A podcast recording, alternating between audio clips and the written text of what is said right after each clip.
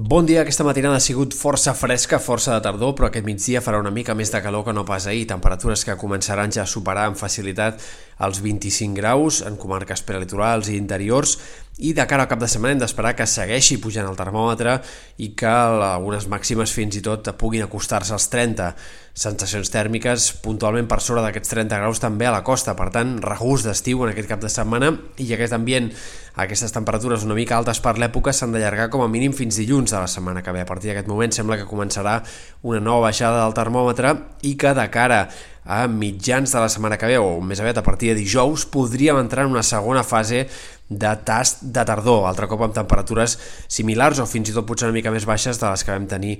a mitjans d'aquesta setmana, entre dimarts o dimecres. Pel que fa a l'estat del cel, avui esperem que hi hagi bandes de núvols prims que circulin, que enterboleixin el cel en molts moments, sobretot entre el matí i el migdia, però eh, gairebé no ha de ploure al lloc. De cara a demà sí que ens tornarà a creuar la bossa d'aire fred que ha complicat el temps d'aquesta setmana, però arribarà de forma més desgastada i molt transitòria. Hem d'esperar, per tant, un temps una mica més variable, intervals de núvols i alguns ruixats bastant puntuals que han d'afectar el Pirineu, Prepirineu o de forma més aïllada potser sectors del Montsec o altres comarques del Pla de Lleida. En tot cas, pluges que més aviat en general sembla que han de ser minces i que només en alguns punts del Pirineu Occidental podrien arribar a ser més destacables. Diumenge temps molt més tranquil, amb predomini del sol pràcticament a tot arreu, i de cara a l'inici de la setmana que ve també seguirà el temps estable i tranquil i seria en tot cas a partir de dimecres, dijous que podrien revifar alguns ruixats al Pirineu o en sectors de la Catalunya central.